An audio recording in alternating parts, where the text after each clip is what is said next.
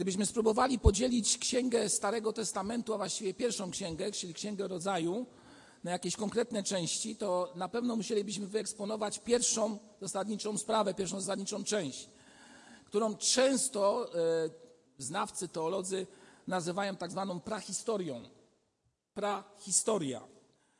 Czyli okres czasu mniej więcej do e, wydarzeń związanych e, z tym, co działo się w Bożym stworzeniu, następnie w upadku ludzi, pierwszym potopie,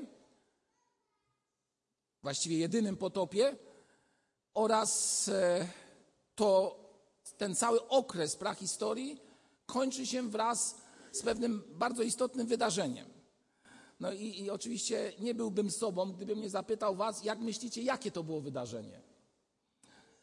Czyli już nakreśliłem pewne ramy, i te ramy można by zamknąć takim jednym bardzo konkretnym wydarzeniem, które, od którego to potem następuje ten tak zwany już okres patriarchalny e, patriarchów izraelskich. A więc jeszcze raz pytanie. Jak myślicie, jakie to było wydarzenie? Mówiłem o tym, bo to już wspominałem. Co? Pomieszanie języków, czyli budowa wieży Babel. Ten okres prehistorii zamyka właśnie to wydarzenie. Potem następuje już jak gdyby dalsza część historii, która ma wpływ na naszą rzeczywistość. Czyli ten okres patriarchalny, o którym wspomniałem wcześniej. E, gdyby e, spojrzeć na wydarzenia związane z budową wieży Babel, które bardzo często są tematem nauczania w szkółce niedzielnej. Ja jeszcze pamiętam jako młody człowiek, który na zajęciach szkółki niedzielnej miałem do wykonania pracę pod tytułem Narysuj wieżę Babel. Nie wiem, czy coś takiego też mieliście. Ja miałem, tak, pamiętam to jak dziś, bo jakoś fascynowało mnie to chyba ze względu na to, że tam wydarzyły się takie sytuacje jak pomieszanie języków, ale też chyba bardziej to, że coś bardzo wysoko budowano. Przynajmniej tak sobie to wyobrażałem. Czytamy o tym e, w pierwszej księdze Mojżeszowej w rozdziale 11. I pozwólcie, że teraz e, ten fragment Słowa Bożego przeczytam. A więc pierwsza księga Mojżeszowa, rozdział 11, wiersze od pierwszego do dziewiątego. Cała ziemia miała jeden język i jednakowe słowa. Podczas swojej wędrówki ze wschodu e, znaleźli równinę kraju Synear i tam się osiedlili. I mówili jeden do drugiego: Nurze, wyrabiajmy cegłę i wypalajmy ją w ogniu. I używali cegły zamiast kamienia, a smoły zamiast zaprawy. Potem rzekli: Nurze, zbudujmy sobie miasto i wieżę, której szczyt sięgałby aż do nieba, i uczyńmy sobie imię, abyśmy nie rozproszyli się po całej ziemi. Wtedy stąpił Pan, aby zobaczyć miasto i wieżę, które budowali ludzie. I rzekł Pan: Oto jeden lud, i wszyscy mają jeden język, a to dopiero początek ich dzieła. Teraz już dla nich nic nie będzie niemożliwe, cokolwiek zamierzą uczynić. Przeto stąpmy tam i pomieszajmy ich język, aby nikt nie rozumiał języka drugiego. I rozproszył ich Pan stamtąd po całej ziemi i przestali budować miasto. Dlatego nazwano je Babel, bo tam pomieszał Pan język całej ziemi i rozproszył ich stamtąd po całej powierzchni ziemi. Myślę, że ciekawy fragment, wyjaśniający różnorodność języków i dialektów, które są pośród nas, w taki bardzo prosty i obrazowy sposób. Ale ja dzisiaj będę chciał zająć się sprawą związaną z takim, można powiedzieć, pytaniem, które się rodzi, czytając ten fragment, y, dla człowieka dziś, który akurat tym się zajmuje, jak to jest, że sprawa ze wszechmiar słuszna, bo czy nie jest słusznym, że ktoś coś buduje, jest odebrana przez Boga jako coś negatywnego. No spójrzmy na Warszawę. Warszawa, ta lewobrzeżna, w ponad 80% była zniszczona. po II wojnie światowej.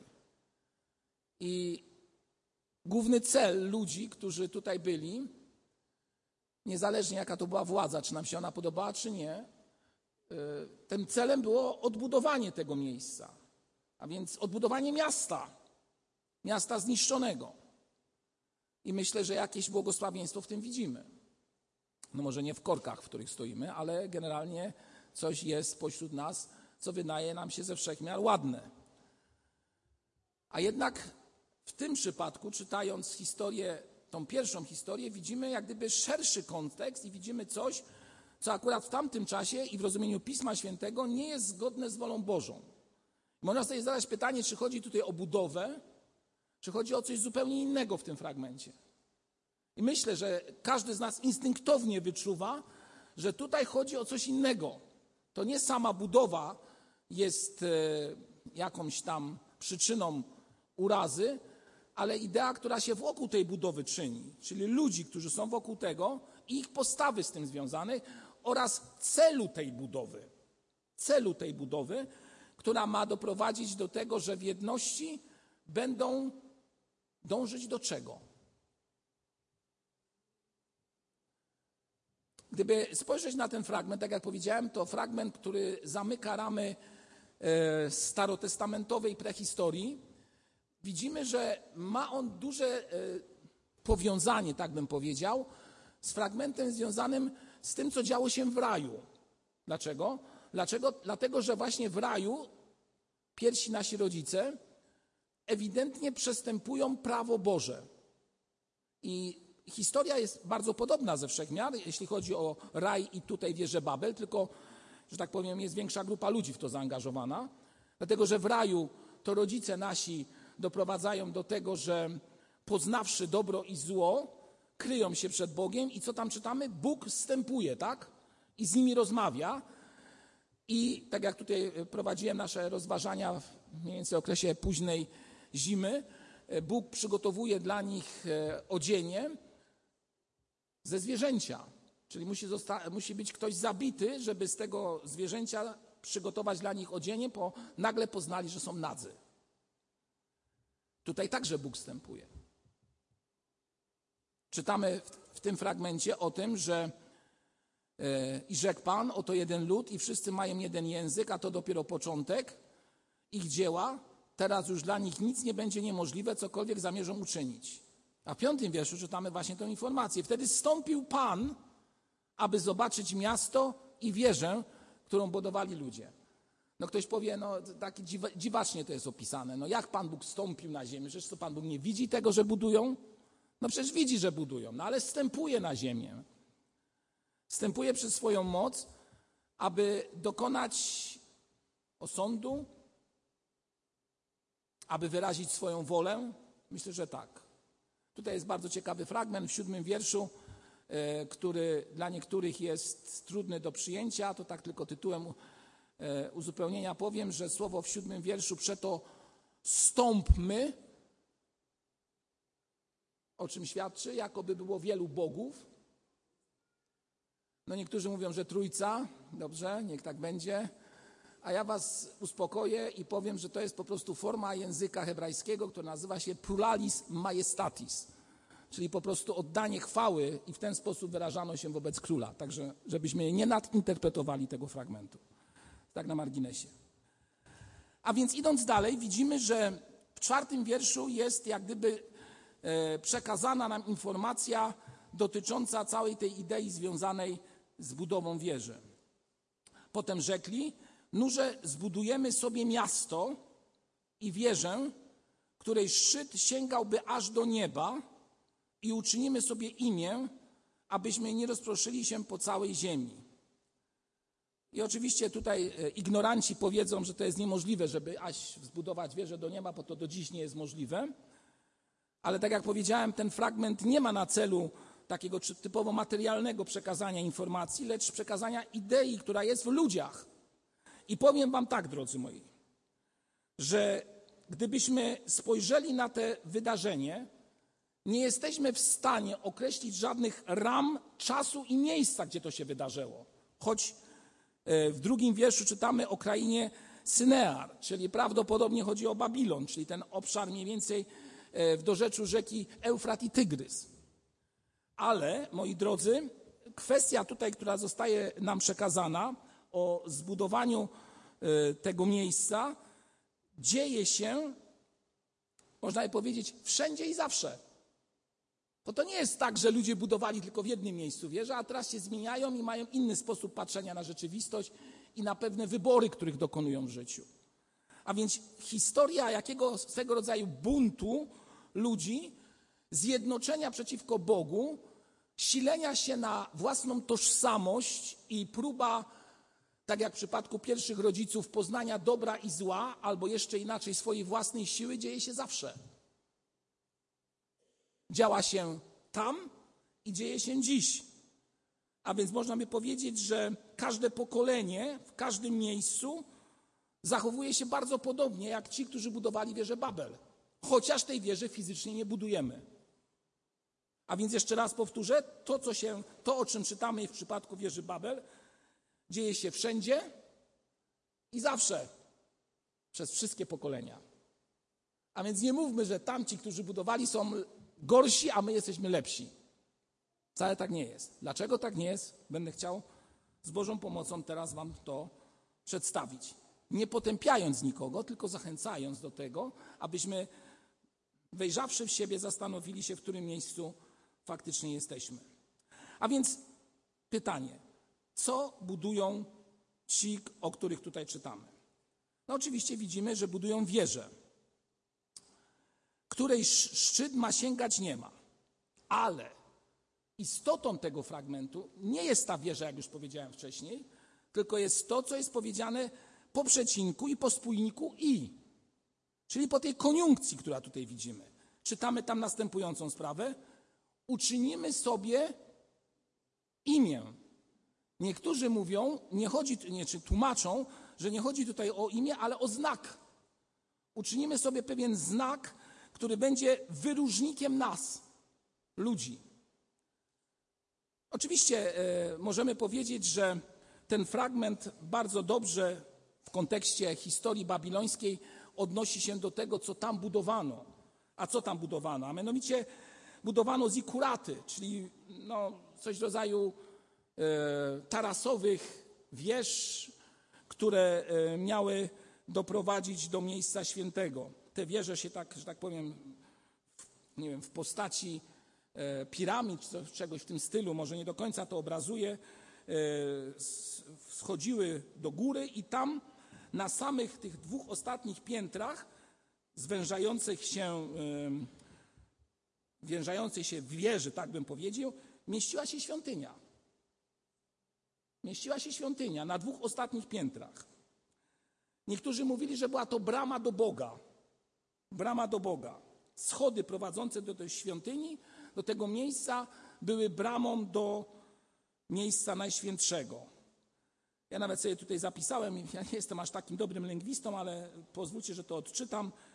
Etemen an ki, czyli fundament nieba. Tak przeczytałem w jednym z opracowań.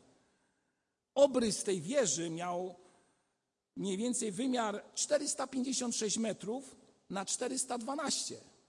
To nie jest mało, moi drodzy to było coś dużego. Przy wielkości 92 metrów tej wieży. Jak na tamte czasy, i uwagę, uwaga, z czego oni budowali? Budowali z cegły. To też już jest następna sprawa.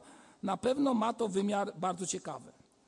A więc celem tej budowy było zbliżenie się do bóstwa mieszkającego w niebie. Czyli brama Babilonu, tak byśmy powiedzieli. Chcieli w ten sposób jak gdyby określić, czy też wejść do jakiegoś miejsca w ich rozumieniu najświętszego. Tylko czy to był ten Bóg, którego my wyznajemy? Czy to raczej było imię, które oni sobie obrali? Zrozumcie i spójrzcie na to z tej perspektywy. Ich wybór, ich propozycja, ich koncepcja religijna doprowadza do tego, że stają jak gdyby w opozycji do Boga, który jest Bogiem stworzenia, Bogiem Jahwe. Druga sprawa, ta sytuacja dzieje się po potopie. po potopie. I wiemy o tym, że e, w umysłach niektórych ludzi potop miał wymiar traumatyczny tych, którzy przeżyli. I ci, którzy, że tak powiem, byli z synów Noego, no, mogli różnie reagować. Mogli, różnie reagować na to, co dzieje się wokół nich. A więc no jest tak, powiem uczciwie, że no nie chcę aż tak daleko pójść, że tych ludzi po potopie zostało więcej, bo to już była troszeczkę nadinterpretacja Słowa Bożego, ale powiem wprost, że niektórzy mogli być źli na Boga, że tak doświadczył ziemi. A więc nie będziemy patrzeć na Niego, tylko zbudujemy sobie świat po swojemu. Pozostaliśmy w opozycji do tego, który jest Stwórcą. Pan, je, Pan Bóg nakazuje ludziom bardzo zasadniczą sprawę. Mają iść i rozproszyć się po ziemi i co czynić? Mają tą ziemię napełniać. A tutaj czytamy o zupełnie innej idei. Jakiej? Chcą zbudować w jednym miejscu miasto i stać się silnymi sami w sobie. Pokazać swoją wartość, pokazać swoją pychę? Chodzi o jedność przy budowie, abyśmy się nie rozproszyli, jak czytamy? Tak jakby chcieli uczcić samych siebie. Będziemy razem, to nam nic nikt nie zrobi. Tylko, że to jest takie myślenie bardzo doczesne i myślenie, które stoje, staje w opozycji wobec rozkazu Bożego. Staje w takiej bardzo jawnej opozycji wobec rozkazu Bożego. I Bóg, patrząc na tą ich jedność, widzi przede wszystkim bardzo zasadniczą sprawę. A mianowicie jest to jedność związana z ideą przeciwstawienia się Bogu. Będziemy silni i nie potrzebujemy Ciebie. Boże. Pycha nasza doprowadzi do tego, że będziemy samodzielni i będziemy zdolni rządzić sami światem. Czy jest to nam obce dziś? A po co nam Bóg? Wymysł, nie wiem, historycznych, ograniczonych ludzi. Po co nam w ogóle Bóg, aby przeszkadzał nam ze swoją moralnością, ze swoimi wskazaniami i tak dalej. Sami zbudujemy świat. Sami zrobimy wszystko po swojemu. Kiedy patrzymy na początek XX wieku i ideę, która w tamtym czasie powstawała, a która, że tak powiem, została tak dosyć mocno historycznie określona jako w 1918 roku na wschodzie, widzimy, że także ludzie stwierdzili, że nie jest nam potrzebny Bóg, tak? Załatwimy to wszystko w swojej własnej sprawiedliwości. Ta swoja własna sprawiedliwość doprowadziła, wiemy do czego, a pokłosie tego jeszcze dziś, można powiedzieć, widzimy w różnych miejscach. Ale tu nie ma miejsca na politykę. Chcę tylko powiedzieć, że samodzielność, wspólnota, która przecież w swojej idei jest bardzo dobra, bo trzeba być razem, trzeba być jedno.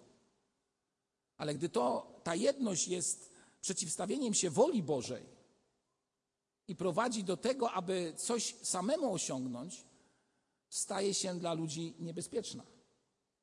Staje się dla ludzi pułapką. Pułapką. Spójrzmy jeszcze raz na ten fragment.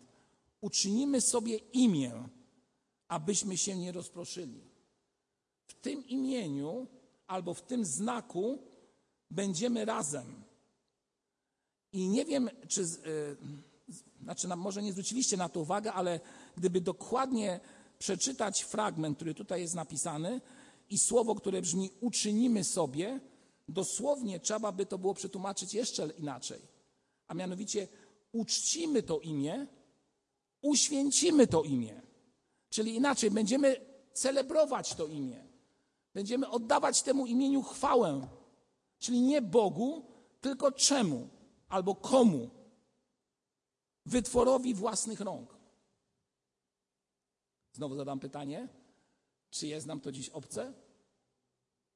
Jakże łatwo ludzie potrafią oddawać cześć temu, co sami wytworzyli. Więcej potrafią się tym zachwycać, celebrować, świętować wokół tego wiele rzeczy. Czyli inaczej nazywamy to jak bałwochwalstwem. W dzisiejszym świecie, czy istnieje bałwochwalstwo, ktoś zapyta? No moi drodzy, istnieje. Tylko ma inny wymiar i inaczej wygląda niż wyglądało dawniej. Bo niekoniecznie dzisiaj ludzie kłaniają się przed jakimiś posągami, chociaż też, ale też tworzą sobie bałwany zupełnie z czegoś innego, które doprowadzają do tego, że są zaangażowani w myślenie, działanie i we wszystko w takim kierunku, który nie jest zgodny z wolą Bożą. I nie będę tutaj teraz starał się wymieniać tych bałwanów, czy też e, spraw, które zajmują naszą uwagę bardziej niż Boga, bo doskonale mam świadomość tego, że każdy z Was wie, co zastępuje Boga Wam, mnie w naszym życiu. A więc idea tego, że coś uczynimy i czemuś będziemy się kłaniać, doprowadza do tego, że może się przez to nie rozproszymy, może się przez to nie rozproszymy i będziemy ludźmi, którzy e, zbudowawszy sobie coś, salą się i będą ze sobą razem.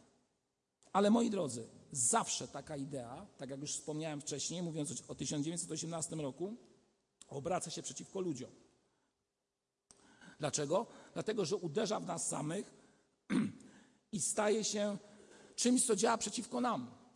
Dlaczego? Dlatego, że człowiek sam w sobie, e, mając tą taką egoistyczną naturę i grzech, który w nas jest, w tobie i we mnie, nie jest w stanie, nie jest w stanie dotrwać w tej jedności całkowicie.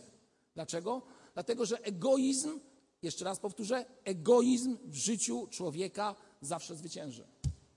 A własne ego i własne ja doprowadzą do tego, że nie będziemy w stanie uznać propozycji drugiego człowieka w pełni, tylko częściowo. W związku z tym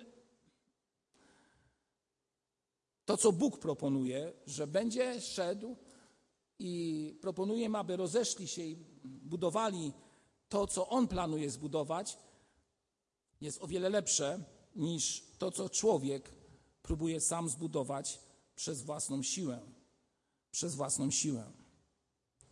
Bóg, byśmy powiedzieli, e, na skutek tego, że lud się tak zachował, wstępując na ziemię, wygłasza słowo kary. Pomieszajmy ich języki, aby nikt nie rozumiał języka drugiego. I rozproszył ich Pan, czyli doprowadza się do, w, tym, w tej informacji widzimy, że Pan Bóg doprowadza swoją wolę do końca, stamtąd po całej ziemi i przestali budować miasto. I przestali budować miasto. Pan Bóg rozprasza ich. I oni już nie są tymi, którzy chcieli, można je powiedzieć, dojść do Boga i w swojej jedności przeciwstawić się Jemu. I można je powiedzieć, że jest to smutna historia. I że Pan Bóg tak się zachował dziwnie. Bo po co ich podzielił? Przecież mógł jakąś inną karę wymyślić. No ale Bożym zamierzeniem było napełnienie ziemi, w związku z tym z tym nie dyskutujemy. Ale patrząc na ten fragment, widzę coś, co jest takim przeniesieniem do naszej sytuacji dzisiejszej. I ma wymiar bardzo głęboki. Mianowicie tutaj widzimy, że Pan Bóg rozdziela ludzi, doprowadza do tego, że mówią innym językiem, nie potrafią się zrozumieć, a więc nie potrafią już być w jedności, aby coś razem zrobić. Ale po jakimś czasie ten sam Bóg, ten sam Bóg wkracza w historię człowieka. W jaki sposób? W którym momencie tej historii? Jak myślicie? Pamiętajmy o kontekście rozproszenia i o kontekście pomieszania języków. Tak ułatwiając. Myślę sobie, że Pan Bóg wkroczył w historię człowieka, który już rozproszył się po całej ziemi, w bardzo konkretny sposób. W jakim dniu? W dniu pięćdziesiątnicy. Co się stało w dniu pięćdziesiątnicy, kiedy wyszli apostołowie z miejsca, w którym byli? zaczęli chwalić Boga językami, które były zrozumiałe dla wszystkich, którzy tam byli. Czyli Pan Bóg daje swego rodzaju zrozumienie zupełnie inaczej i wkracza, e, wkracza w dzieje ludzkości, tworząc jedność. Jaka to jest jedność? W czym ona się wyraża? W idei Kościoła, ciała Chrystusowego. Bo tu jest jedność, która to jedność charakteryzuje się tym, że my jako ciało, skądinąd bardzo różnorodne, bo każdy ma różne funkcje do zrealizowania, jednak jesteśmy zespoleni pod czym? Pod tym, który stoi na czele Kościoła, który, uwaga, kim jest? Jest głową Kościoła, czyli nasz Pan Jezus Chrystus. Czyli to, co zostało rozproszone, można by powiedzieć, nie było w zamyśle Bożym. To raczej, a jeżeli było, to możemy powiedzieć o tym, że Pan Bóg dopuścił do tego. Zdecydował tak. Pan Bóg jest wszechwiedzący. Ale Pan Bóg chce tego, abyśmy byli jedno. I tą jedność na skutek buntu człowieka, zainspirowanego przez siły przeciwstawne Bogu, tak to określę, łączy przez Jezusa Chrystusa, który zmartwychwstał, który żyje, a w Duchu Świętym tworzy Kościół, który owszem mówi fizycznie różnymi językami, ale praktycznie mówi jednym językiem. Językiem, który wskazuje i prowadzi ludzi do kogo? Do czego? Prowadzi do Jezusa i do zbawienia, które jest w nim. Pojedziemy tu, pojedziemy gdzie indziej, zobaczymy dokładnie to samo poselstwo. Poselstwo mówiące o tym, że zbawienie jest w Jezusie Chrystusie i tylko w nim. I można je wypowiadać w różnych językach, tych ziemskich, ale ten język duchowy jest dokładnie taki sam dla wszystkich ludzi. A więc Pan Bóg ponownie odbudowuje to, co zostało przez ludzi w jakiś sposób zaprzepaszczone. Idea jedności w wykonaniu planu Bożego, która została zainspirowana do tego, aby przeciwstawić się Jemu i wybudować coś przeciwko Bogu. Bóg zmienia to teraz i jest zupełnie nowa rzeczywistość, w której jesteśmy. Tak czy inaczej, moi drodzy, kończąc to rozważanie, chcę powiedzieć, że jako lud Boży jesteśmy przybyszami na tej ziemi. Nie mamy stałego miejsca na tej ziemi. I ten nasz prawdziwy język duchowy to jest tam w niebie. Język duchowy i język praktyczny. I nie chodzi mi o tym, o tym znaczy nie, nie chodzi mi teraz, aby powiedzieć, że ten język z pięćdziesiątnicy, który nazywany jest glosolaliami, właściwie który był post y, wydarzeniem związanym z pięćdziesiątnicą, jest tym językiem anielskim. Pan Bóg wie, jaki to jest język.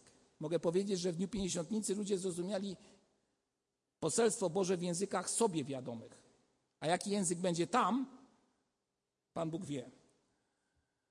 A więc e, mając świadomość tego, że przez Jezusa Chrystusa możemy być zjednoczeni i zmierzamy do właściwego miejsca, miejmy też świadomość tego, że tu na tej ziemi jesteśmy gośćmi. Jesteśmy ludem, który pielgrzymuje, aby dotrzeć do zasadniczego miejsca. Nie aby zbudować sobie tutaj coś, co przyniesie mi chwałę i będzie celebrowane jako moje dzieło. To nie jest cel zasadniczy działania Kościoła, zasadniczy cel Twój i mój. Owszem, mamy tu być, bo tak Pan Bóg zdecydował. Mamy być pośród ludzi. Powiem więcej, mamy być z nimi, kiedy budują, kiedy pomagają, kiedy różne rzeczy czynią. Ale też pamiętać o tym, że nasza ojczyzna jest. Amen, moi drodzy. I tutaj dwa fragmenty. Pierwszy z listu Pawła do Filipian, trzeci rozdział i dwudziesty wiersz. List Pawła do Filipian, trzeci rozdział i wiersz dwudziesty. Nasza zaś ojczyzna jest w niebie, skąd też Zbawiciela oczekujemy, Pana Jezusa Chrystusa. To jest nasza ojczyzna. Nie to, co tu i teraz zbudujemy. Stąd też jeżeli ludzie pokładają nadzieję w tym, co doczesne, to takie oczywiste byśmy mogli powiedzieć, zgubią się w swoim życiu. Jeżeli będą chcieli doświadczyć działania Bożego, stojąc przed jakimkolwiek posągiem, nawet, nawet przedstawiającym kogoś świętego, w świętym miejscu, na świętej górze czy gdziekolwiek, będą niczym innym jak tymi, którzy będą podobni do tych, którzy budowali wieżę Babel. Bo to wszystko jest doczesność. Nawet chociaż może być pięknie ubarwione. Nasza ojczyzna jest w niebie i tego oczekujemy. W posłuszeństwie Bogu w związku z tym budujmy dom duchowy jako kamienie żywe, o czym czytamy w liście Piotra. Jako kamienie, które budują dom, na którego czele stoi nasz Pan Jezus Chrystus. I taką wieżę duchową budujmy, na której będzie imię Jezusa Chrystusa, a nie znak i imię, które ma celebrować człowieka i jego starania. Bo to przeminie. Tego Wam i sobie z całego serca życzę.